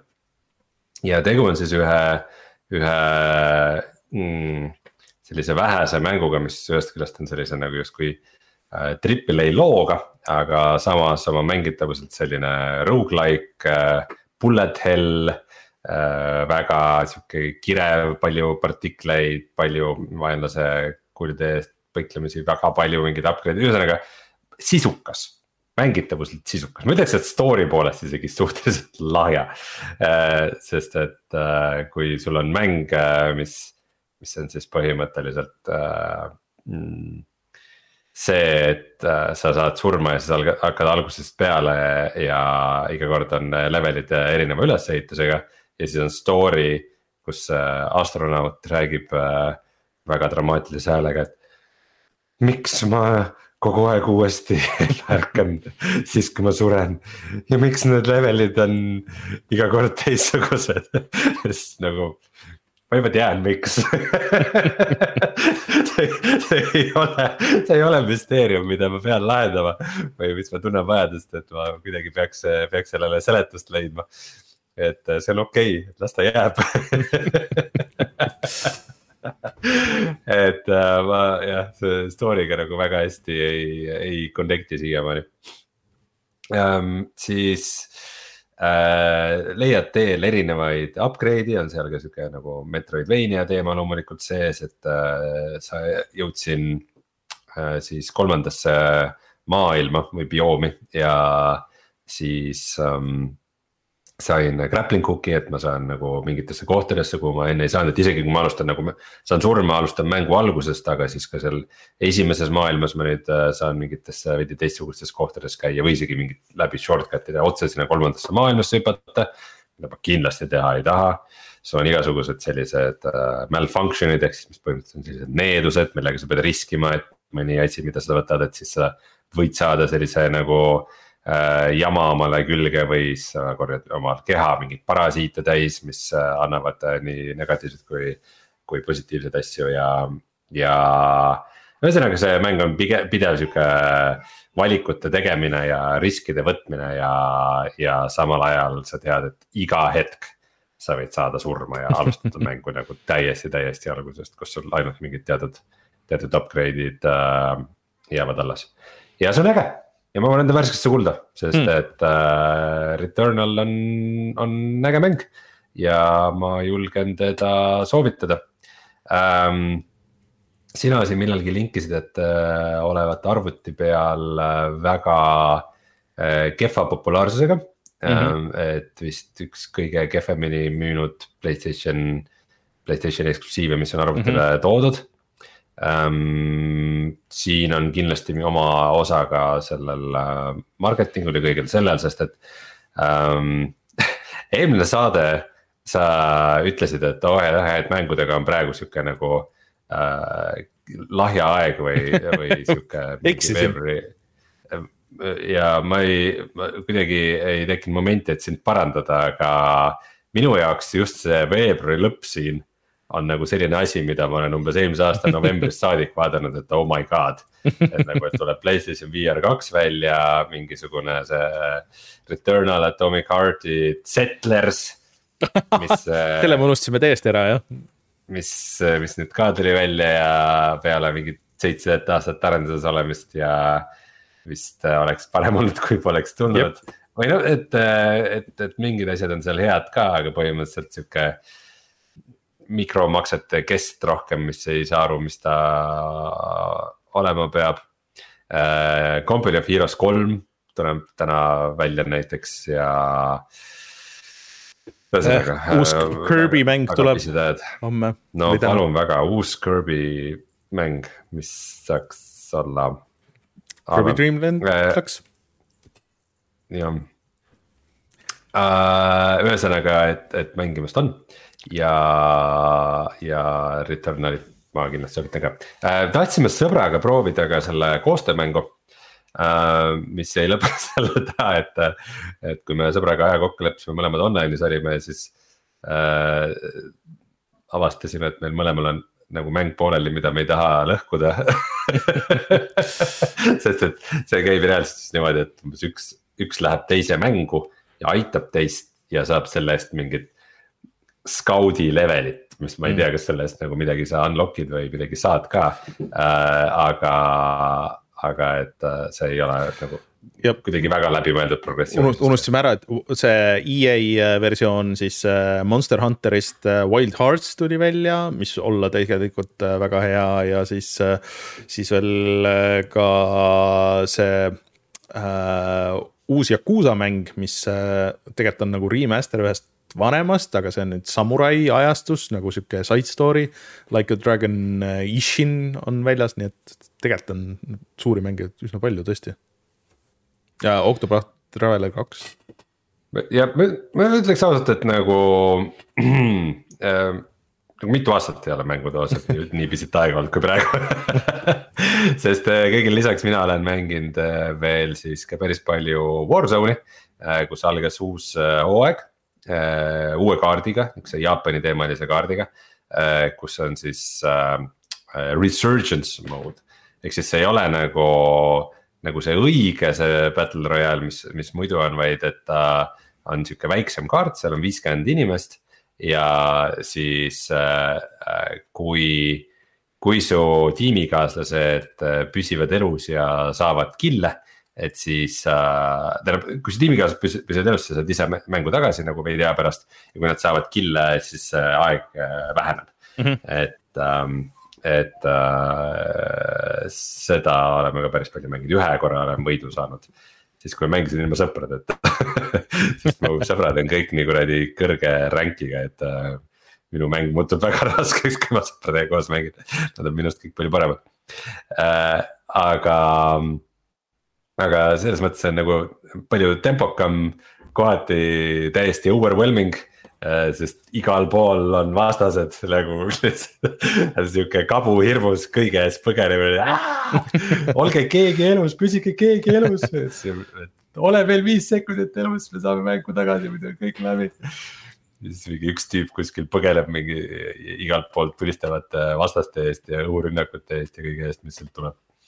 Et, äh, et palju pulli saab, kuigi kohati see on nagu totter ka, et nagu mõnikord on tunne, et äh, come on, et lihtsalt võiks surma saada minna, et nagu kuradi jantimine ja siin, äh, siin mingisugune nihverdamine käib veel jube pikka aega kõikidel, et et kaks tiimi võitlevad ja siis mõlemale nagu tagalasse pidevalt tuleb tüüpe juurde ja siis nad võitlevad igavesti, kuni ring tuleb kohale enam-vähem. Äh, aga, aga ikkagi jah, Warzone ikkagi tänu Modern Warfare kaks üldse minu eelmise aasta mänguks valitud ja ma ei, ei kahetse seda valikut. nii et no, palju, palju lõbu. pluss uue Battle Passiga tead jälle saab asju ja jälle ma sain tasuta kätte uue Battle Passi, ei pidanud mitte mingit raha maksma. minu arust esimest, esimese Warzone'iga ma ühe korra maksin umbes kümme eurot, et osta need punktid, millega saada omale Battle Pass mm. -hmm. ja peale seda ma pole kordagi pidanud ühte, ühegi Battle Passi eest mm. -hmm. No seal on jah hästi, et näiteks Apexis sa nagu pidid pidid ikkagi nagu ostma selle, et noh, said nagu mängida lahti ka, sa pidid ikka väga-väga-väga palju seda mängima, et, et nii palju teenida, et, et lahti mängida need asjad et ikka tahtis raha su käest. vot, aga kutsume mängud praegu mängituks, tuleme tagasi ja vaatame, mis on, mis on internetis odav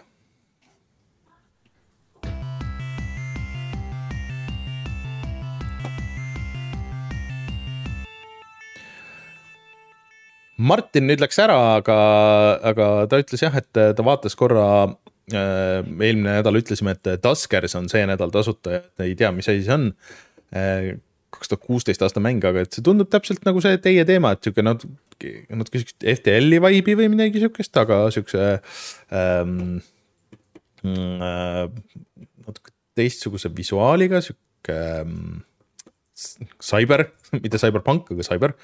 et äh, päris teile võib-olla läheb ja Epicus järgmine nädal on veel strateegia teemat, ehk siis mäng nimega Rise of Industry on, on järgmise nädala mäng. et no aga... mul huvi ei ole, aga ikka võtan ära, sest no tasuta.